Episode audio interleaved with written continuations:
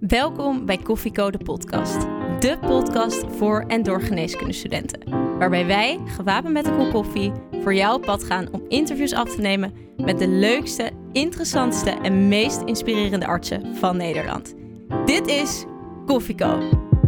Hey Ko, ja wat doe je daar? Er staat een carrière voor je klaar. Maar je weet nog niet wat en waar. Een cappuccino maakt het minder zwaar. Dus zet je volumeknop omhoog. Want je luistert Koffie Co en je weet het zo. Papa, papa, para, para. Leuk dat je weer luistert naar Koffiecode podcast, de special.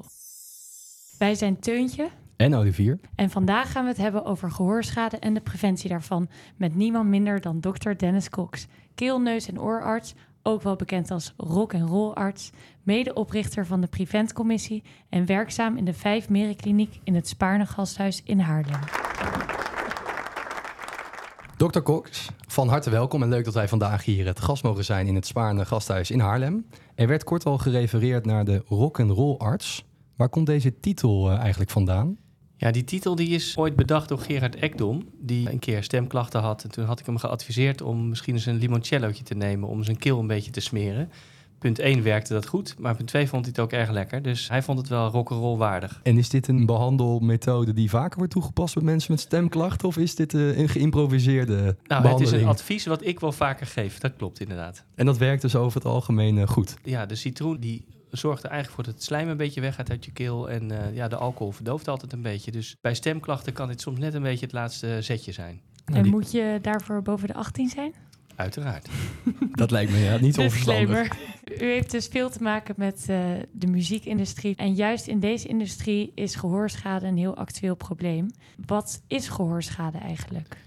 Nou, gehoorschade is eh, het verlies van functie van je gehoor. Dus eigenlijk de haarcellen in je gehoororgaan die kapot gaan. Ik denk dat dat wel een beetje de meest brede uitleg is. Als je het hebt over echt schade van het gehoor. Zonder dat het gaat om ontstekingen of eh gaten in trommelvliezen. Want daar kan je ook gehoorschade van hebben. Maar als je het hebt over gehoorschade dat in de muziekindustrie optreedt... is het echt schade in het slakkenhuis. En welke vormen van gehoorschade heb je eigenlijk in het algemeen? Nou ja, het oor heeft verschillende onderdelen waar je mee hoort. Dus een van de onderdelen is al je gehoorgang. Dus als je die volpropt met oorsmeer, dan eh, heb je al verminderd gehoor. Dat is niet echt schade, maar je hoort wel minder. Je trommelvlies eh, doet natuurlijk voor een deel met de gehoorbeentjes de trilling doorgeven. Eh, dus als daar iets kapot is, is dat ook gehoorschade. Dat is een deel van de schade die je wel kan herstellen. Maar als het probleem in het slakkenhuis zit of dieper eh, in de zenuw, dan is dat vaak niet iets herstelbaars. Duidelijk. En hoe groot is het probleem van gehoorschade in Nederland? Kunt u dat uitleggen? Het lastige met ehm, als je het hebt over gehoorschade en een probleem, is dat niet iedereen met dezelfde schade hetzelfde probleem ervaart. Dus er zijn mensen die gewoon minder goed horen, doordat ze in de bouw hebben gewerkt vroeger en prima nog kunnen functioneren, omdat ze één op één alles kunnen verstaan en niet zo heel veel in vergaderingen zitten. Ja, dat zijn mensen die helemaal geen last hebben van hun verminderd gehoor. Maar er zijn ook mensen die eh, misschien wat minder zuinig met hun gehoor zijn geweest, maar heel actief zijn in clubjes en in vergaderingen, die hebben met veel minder gehoorschade veel meer last. Dus ik denk dat het echt beschrijven van hoeveel mensen er nou last van hebben, is heel erg lastig. En u noemt al inderdaad een bouwvakker die bijvoorbeeld last heeft van geluid in de bouw. Wat zijn andere voorbeelden behalve hard geluid, zoals muziek, waardoor gehoorschade op kan treden? Als je het hebt over geluidslast en hoe groot de kans op schade is, heeft het altijd met een factor tijd te maken. Dus hoe harder het geluid, hoe korter je daarna kan luisteren. Dus als je een vuurwerkbom vlak naast je oor hebt, dan is dat heel kort, maar heel hard. Dus dan levert dat schade op. Maar als je heel kort naar een popconcert gaat, hè, bij wijze van spreken 10 seconden en je loopt weer weg, ja, dan is dat te kort om er echt schade van te hebben. Maar als je daar dan weer een half uur in staat, is de kans op schade er wel weer. Tinnitus is een van de vormen van gehoorschade en is in Nederland algemeen bekend met soms ernstige verhalen die zich in de ronde doen. Wat is tinnitus precies en hoe groot is het probleem in Nederland? Tinnitus is een geluid wat iemand hoort wat een ander niet kan horen. Ik denk dat als je dat op die manier beseft, dat dat dus heel breed is. Dus sommige mensen vragen mij wel eens, heb ik dan tinnitus? Ja, als jij iets hoort wat ik niet hoor, dan is dat zo. En hoe groot het probleem is, ja, en of dat iets met gehoorschade te maken heeft, is ook altijd maar een beetje de vraag. Want er zijn ook mensen waarbij weinig gehoorschade gemeten wordt en best wel veel draaglast is van het oorsuizen. En er zijn mensen die heel slecht gehoor hebben en helemaal geen oorsuis merken. Dus om dat één op één met oorsuizen en gehoorschade in één zin te zeggen, is eigenlijk een beetje te kort door de bocht. En kunt u eens omschrijven wat de impact is van uw patiënten die lijden aan tinnitus? Ja, ik denk dat je er net zoveel last van hebt als dat je de druk op maakt. Dus hoe erger je het vindt, hoe groter de last ook is. Dus er zit ook Eh, een zekere psychische component aan ten grondslag. zeker, zeker een psychische component aan. wil niet zeggen dat iemand die oorsuizen heeft psychisch belast is. Maar als je oorsuizen hebt en je voelt je niet lekker in je vel, heb je er veel meer last van. Dus ik ben ook veel meer bezig om de omgevingsfactoren in kaart te brengen bij een patiënt dan echt vol op dat gehoor in te duiken. Maar er zijn echt mensen die de hele dag een piep in hun oor hebben en ja, daardoor eigenlijk niet kunnen functioneren. Want bestaat er een behandeling voor mensen die lijden aan tinnitus?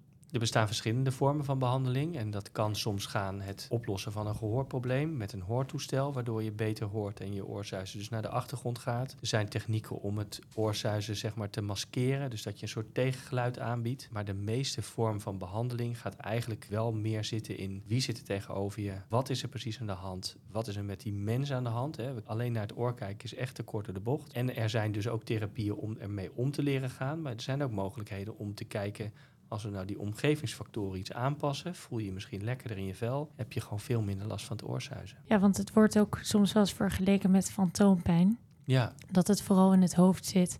En er was vorig jaar een mooie schets van vijf artiesten door 3 voor 12.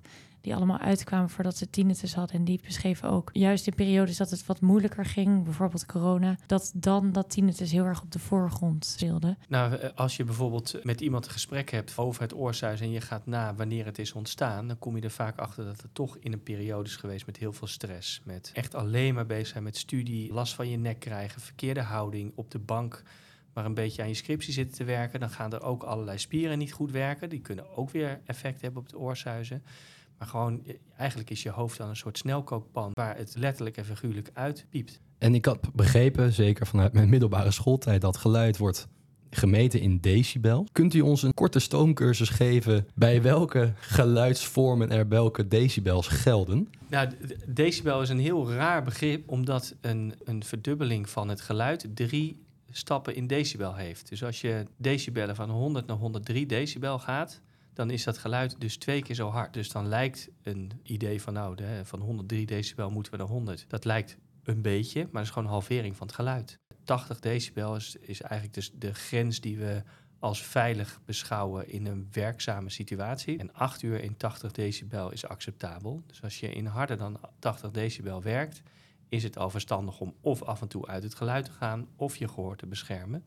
Maar 80 decibel is ongeveer het geluid wat in een schoolklas hoorbaar is. Heeft u een patiëntenverhaal die u is bijgebleven met een patiënt die lijdt misschien aan een ernstige vorm van tinnitus? Ja, zeker. Ik denk dat het lastige van een patiënt die heel veel last heeft van oorsuizen, is als dokter het makkelijkst om op een gegeven moment te zeggen: ja, tot hier ga ik en ik kan het verder niet oplossen. Soms moet je dat zeggen als dokter, omdat je de patiënt ook tegen zichzelf moet beschermen. Maar ik ben wel iemand die eigenlijk altijd wel de deur op een kiertje wil houden. Dus als iemand dan echt heel veel last heeft, dan kan het best zijn dat ik op dat moment het probleem niet op kan lossen. Dus ik heb een patiënt gehad die echt heel veel psychische last had, omdat er thuis heel veel aan de hand was. En daar heb ik het dan ook over. Dat is best wel gek. Als KNO-arts heb ik het dan ineens over huwelijksproblemen.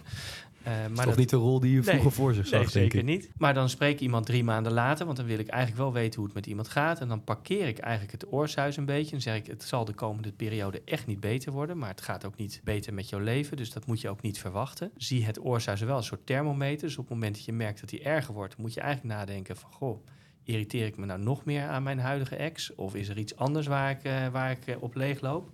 En probeer daar dan je energie in te steken en niet eh, te veel aan het oorsuis te denken. En die patiënt zag ik drie maanden later terug. Toen was de scheiding rond. In ieder geval, ze had een plek voor zichzelf. Dus ze woonde niet meer bij hem thuis. En ze zei van ja, ik hoor het nog wel. Het is veel stiller in mijn huidige huis dan in mijn oude huis. Dus ik heb ook meer last van geluidjes. Maar ik heb er niet zoveel last meer van.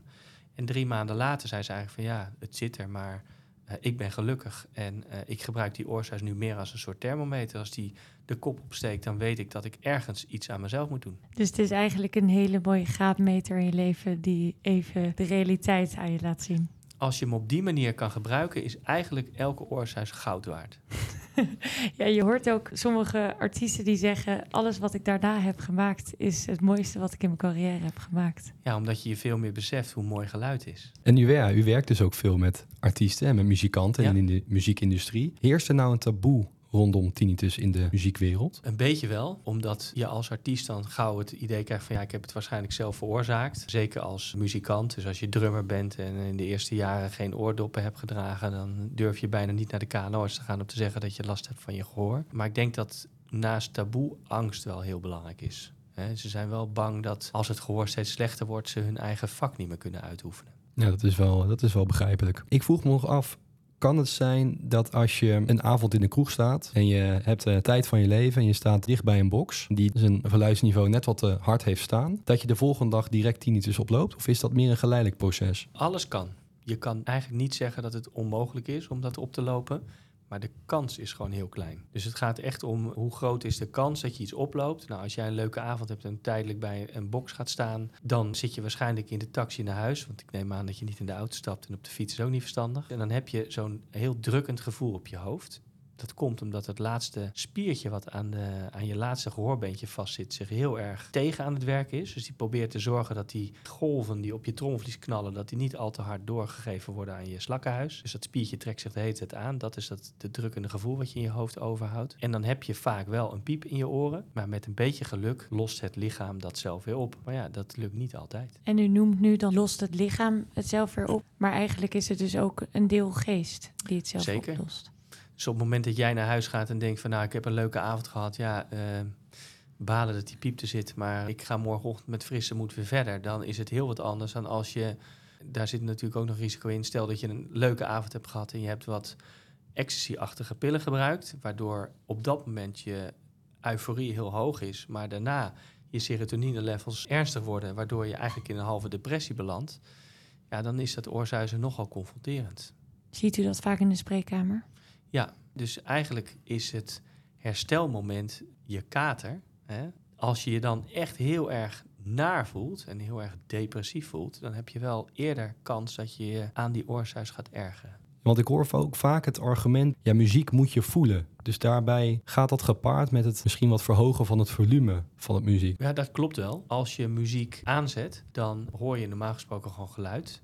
Als muziek een bepaald volume heeft en dus gevoeld wordt, dan maak je endorfines aan. Waardoor je gewoon een veel blijer gevoel krijgt. Daarom krijg je een veel blijer gevoel bij harde muziek dan bij zachte muziek. Het doet heel iets anders met je als mens. Dus de truc is dat het geluid zo hard staat dat die endorfines wel worden aangemaakt. Maar dat het volume zo hoog is of zo laag dat je er met oordoppen je nog tegen kan beschermen. Want anders zou je ook overal de muziek op 90 decibel kunnen zetten. Maar dan hoor je geen muziek meer. Dan hoor je een beetje achtergrondgeruis. Want mensen maken zelf ook al lawaai. Er zijn concerten waarbij het bezoek al 100 decibel geluid maakt als er iemand opkomt. Ja, dan heeft het helemaal geen zin om überhaupt nog muziek te maken. En wat is nu de huidige norm van decibels die wettelijk is vastgesteld in Nederland? Die, nou ja, wettelijk is eigenlijk nog niet zo heel veel vastgesteld. Maar het advies is nu 103 decibel. En het advies wat aan de, vanuit de staatssecretaris aan de Kamer is gezegd... is dat het verlaagd moet worden naar 100 decibel. Maar dat is wel gemiddelde. Daar mag je af en toe best nog wel vanaf 100 naar 101, 102 decibel gaan. Maar dat het gemiddelde in ieder geval niet meer op die 103 ligt. Want bij die 103 kan je ook weer naar de 104, 105 decibel. En hoe wordt dat advies van de Gezondheidsraad ontvangen door de diverse publieken, als in de horeca, dan wel de concertwereld? Nou, we hebben, ik heb bij een eh, gesprek gezeten met de staatssecretaris. Daar waren dus mensen vanaf de ene kant, vanuit preventie en eh, mensen die het gevaar zien van geluid. Maar er waren ook mensen vanuit de muziekindustrie. Er waren ook artiesten bij die zelf dus muziek maken. Die ook aangaven van ja, als het geluid heel veel zachter gaat, dan raak ik mijn artistieke vrijheid ook een beetje kwijt. Ik vind dat wel signalen die echt wel belangrijk zijn. Want muziek gaat nog steeds om iets wat iemand maakt. En dat wil je ten gehore brengen.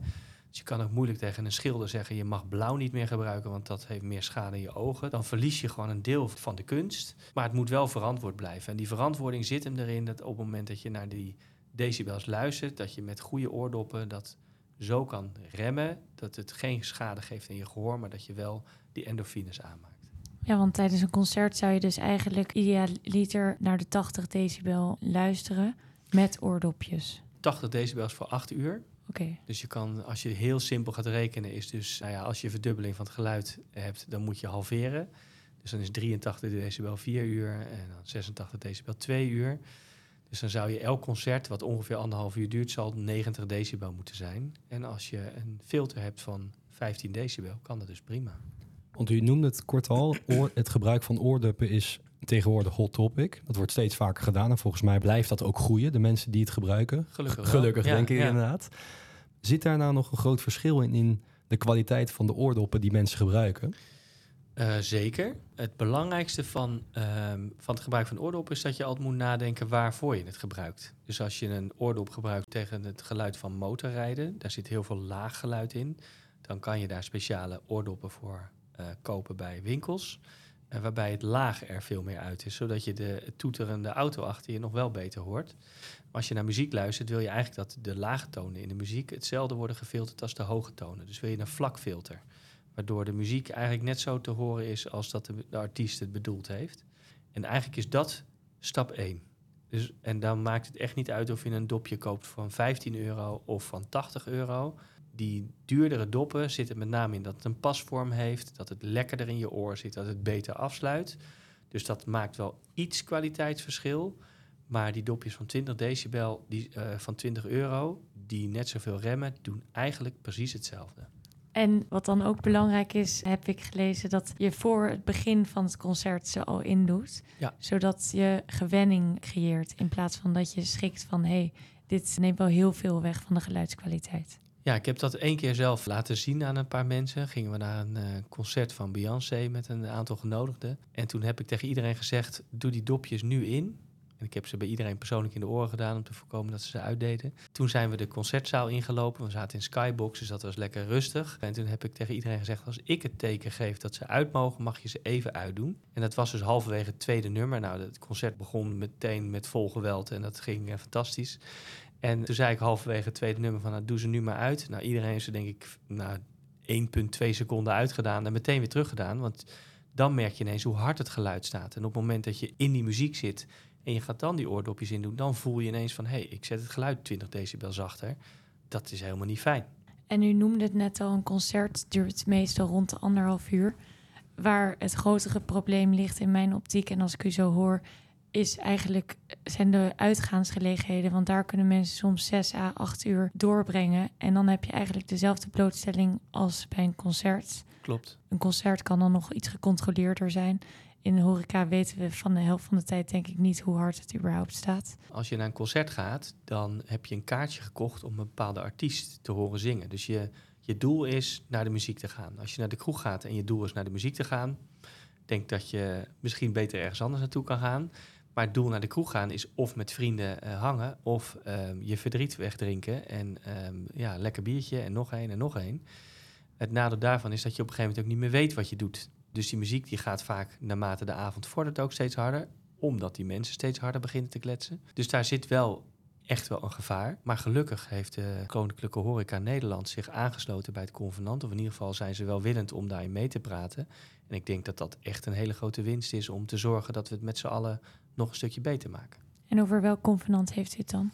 Zeg maar het advies van de staatssecretaris naar de minister om eh, iets met die decibellen te doen en de partners die daar allemaal in meegaan doen. In hoeverre denkt u ook dat er concreet geluisterd wordt naar het convenant of dat advies die gegeven wordt om de decibel in dit geval te verlagen in de horecagelegenheden? Nou, dat is een fantastisch goede vraag. Want ik heb eerder bij zo'n convenant gezeten. Uh, toen hebben we ook allemaal dingen bedacht. De muziekindustrie heeft van alles bedacht. De audiociëns, uh, audiologen, Stichting Hoor Mij. Heel veel ideeën, maar uiteindelijk wordt er niet op gehandhaafd. Waarbij milieu veel belangrijker is. Dus er, er, zijn wel mensen die bij wijze van spreken bij grote festivals rondom het festival kijken of de vogeltjes niet genoeg lawaai, uh, genoeg stilte om hun heen hebben. Broedvogelcontrole. Ja, dus daar wordt wel op gecontroleerd. Maar echt hoe veilig het is voor de bezoeker zelf, daar durft nog niemand echt zijn handen aan te branden. In Club R heeft op een gegeven moment een decibelmeter gehangen. Dat was best wel grappig. Dan sta je ergens en dan kan je in ieder geval zien hoe hard het geluid is. Ik denk dat op het moment dat dat een verplichting wordt, dan, uh, dat hoeft niet per se te zijn dat die decibelmeter dan iedereen aware maakt. Maar je maakt wel meer inzichtelijk wat je aan geluid aanbiedt. En het voordeel daarvan is dat je ook logbestanden kan maken van hoe hard het geluid is gegaan. En op het moment dat je dingen registreert, kan je er uiteindelijk ook wat mee doen. Dus dan hoef je niet meteen allemaal straffen erop te zetten. Maar je kan wel zeggen, goh, we gaan gewoon na een jaar eens die data verzamelen en kijken van hoe gaat het nou in de horeca? Want dat weten we eigenlijk niet zo goed. Gehoorschade is eigenlijk een groeiend probleem wereldwijd. En daarom is de preventie hiervan ook belangrijk en essentieel. En in 2011 richtte u dan ook de commissie Prevent op, samen Ja. met een audioloog, heb ik begrepen, Ja. en een aantal KNO-artsen. Kunt u ons wat meer vertellen over deze commissie? Ja, we merkten dat preventie echt, nou eigenlijk in heel Nederland en steeds meer in de wereld wel op de kaart ging komen. En we dachten van ja, hoe gaan we dat nou in de KNO-wereld? Wat, wat is nou hetgene waar we qua preventie als eerste aan denken? En dat is eigenlijk wel gehoorschade. En toen hebben we eigenlijk met een kleine club zitten sparren van ja, hoe gaan we dat nou aanpakken? En wat vinden we nou het moment in een leven waarin je gehoorschade moet gaan bespreken? Toen hebben we niet pro- geprobeerd zelf het wiel uit te vinden, maar hebben we gekeken van wat gebeurt er aan preventie op basisscholen? Ehm, hoe wordt daarover gesproken? Wanneer zijn leerlingen wel vatbaar voor advies en wanneer niet? Nou ja, het verkeersexamen eh, vond ik toen ik op de basisschool zat een goed voorbeeld. Er kwam een politieagent voor de klas in uniform, iedereen stil. En als diezelfde politieagent in de eerste klas van de middelbare school binnenkomt, dan krijgt hij bij wijze van spreken tien krijtjes naar zijn hoofd. Dus wij dachten dan is misschien groep 7, groep 8 wel een idee. Toen zijn we eerst gaan inventariseren. Ja, hoeveel vaak komen die kinderen dan nog in aanraking met geluid? Maar dat bleek best wel veel te zijn. Dus we zijn begonnen om eigenlijk Prevent te starten als basis om les te gaan geven op basisscholen. Maar waarom vindt u het dan wel van belang dat jongeren bijvoorbeeld via zo'n preventcommissie toch les krijgen, meer dan vroeger? Nou, punt 1 werden we vroeger minder oud. En had je het verschil dat als jij in de fabrieken moest werken, werd je sowieso veel minder oud. Dus gemiddeld werden we minder oud. En de mensen die ouder werden, waren niet de mensen die heel veel in het lawaai stonden. Het waren ehm, de doktoren en de notarissen die gewoon lekker in een kantoortje zaten met een kopje koffie. Dus de maatschappij is veranderd en we kunnen op veel jongere leeftijd in aanraking komen met veel meer geluid. We luisteren ook veel meer naar muziek. Kinderen beginnen al op een iPad als ze twee zijn naar eh, liedjes te luisteren. En er zijn ook veel meer musical en dingetjes die voor kinderen leuk zijn. Dus ja, we moeten wel weten wat we aan het doen zijn. Maar het is ook wel heel leuk dat het kan. Ja, dus verantwoord genieten. Zeker weten. Heb je nou buiten deze medische bubbel ook zelf wel eens tijd om naar een concert te gaan? Nou ja, ik heb een beetje het geluk dat een van de dingen die ik in de spreekkamer doe, is het eh, behandelen van heel veel zangers. Dus of ik wel eens naar een concert ga, ja. En dat is dus vaak om twee dingen. Eén, omdat ik het leuk vind. Maar ook om gewoon eens te kijken van wat doet zo'n patiënt nou? Hoe ziet zo'n concert eruit? Rappen, wist vroeger echt niet hoeveel invloed dat had. En dat het een heel andere impact heeft als je stemklachten hebt dan als je opera zingt. Dus nou, dat vind ik heel leuk. En wat ik dan het allerleukst vind, ja, ik ga altijd met heel veel plezier naar de Vrienden van Amstel, omdat daar ook mijn patiënten rondlopen, zodat ik ze ook op een andere plek een keer kan spreken. Omdat ik, naast dat het patiënten zijn, zijn het ook gewoon mensen. Maar in dat geval, bij zo'n concert van de Heren van Amstel, ben je wel gewoon Dennis Cox. Zeker. En niet dokter Dennis Cox, de kanoarts. Ehm, Of een, beetje, of een beetje van beide. Ja, vorig jaar was bijvoorbeeld wel zo grappig. Toen was Miss Montreal, die zo, zong een liedje samen met Dinant van Kane. Rain Down On Me. En de regen die kwam ook echt naar beneden in Ahoy. En toen hadden ze zo'n wilde knuffel dat, ehm, dat er een bloeding ontstond in het oor van Sanne Hans. En die appte mij meteen na afloop van... eh, Dennis, help, mijn oor bloedt. En toen ben ik dus met een iPhone in de oor gaan kijken. eh, zag ik inderdaad een beschadiging van de gehoorgangen. Die hebben met een beetje vaseline dicht kunnen plakken... zodat ze de oortjes weer in kon. Dus ehm, er gebeuren nog wel eens dingen dat ik toch eventjes... Kom je eh, toch goed van pas op ja, dat moment? dat ik er toch even nuttig ben, ja. De co-telefoon. De co-telefoon. En dit keer hebben we een vraag vanuit een van onze mensen uit de redactie, namelijk Mare. En zij vroeg zich af hoe het nou zit met uw collega's van de orthopedie, die op de operatiekamer soms ook wel het volume hard hebben staan, maar ook volgens mij in de weer zijn met allerlei apparatuur die ook een zeker geluidsniveau genereren. Dragen zij nou ook gehoorbeschermende apparatuur of dat niet? Nou, dat is een hele goede vraag. Ik heb natuurlijk eh, hier in het ziekenhuis ook collega orthopedisch chirurgen werken. En een aantal draagt oordoppen. Op mijn aanraden. En eh hebben het ook over gehad wat verstandig is om wel en niet te dragen. Dus er zijn wel zeker orthopedisch chirurgen die eh, zuinig zijn op hun oren. Wat goed, had ik niet verwacht om eerlijk te zijn. Ja. En wat is dan verstandig om wel te dragen? Komt dat overeen met wat je bijvoorbeeld bij muziek moet luisteren? Die orthopedisch chirurgen die knallen natuurlijk met hamers op ijzer. Dus dat zijn heel veel hoge tonen. Dus die wil je het liefst wat meer filteren. Maar met een muziekfilter kom je ook prima uit. Ik vroeg me nog af, hoe ziet u de toekomst voor u binnen het thema gehoorschade? Denkt u dat er nog een zekere ontwikkeling gaat plaatsvinden? Ik denk dat het taboe er wel steeds meer afgaat. Dus dat mensen durven om oordoppen te, eh, voor oortjes te dragen qua bescherming. Um, ik denk ook dat ze steeds makkelijker verkrijgbaar worden. En misschien dat we op een gegeven moment wel een soort device hebben waar we muziek mee kunnen luisteren die ons tegen gehoorschade beschermt.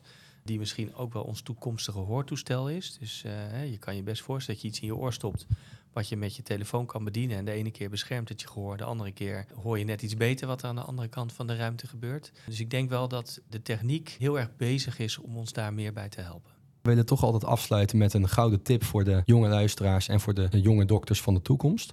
Ja, ik ben erg geïnteresseerd in de mens achter de patiënt. Uh, ook in de mens achter de co-assistent. En ik merk wel eens dat um, co-assistenten heel erg bezig zijn om als een soort ja, amoebe zich te vormen naar wat van ze verwacht wordt.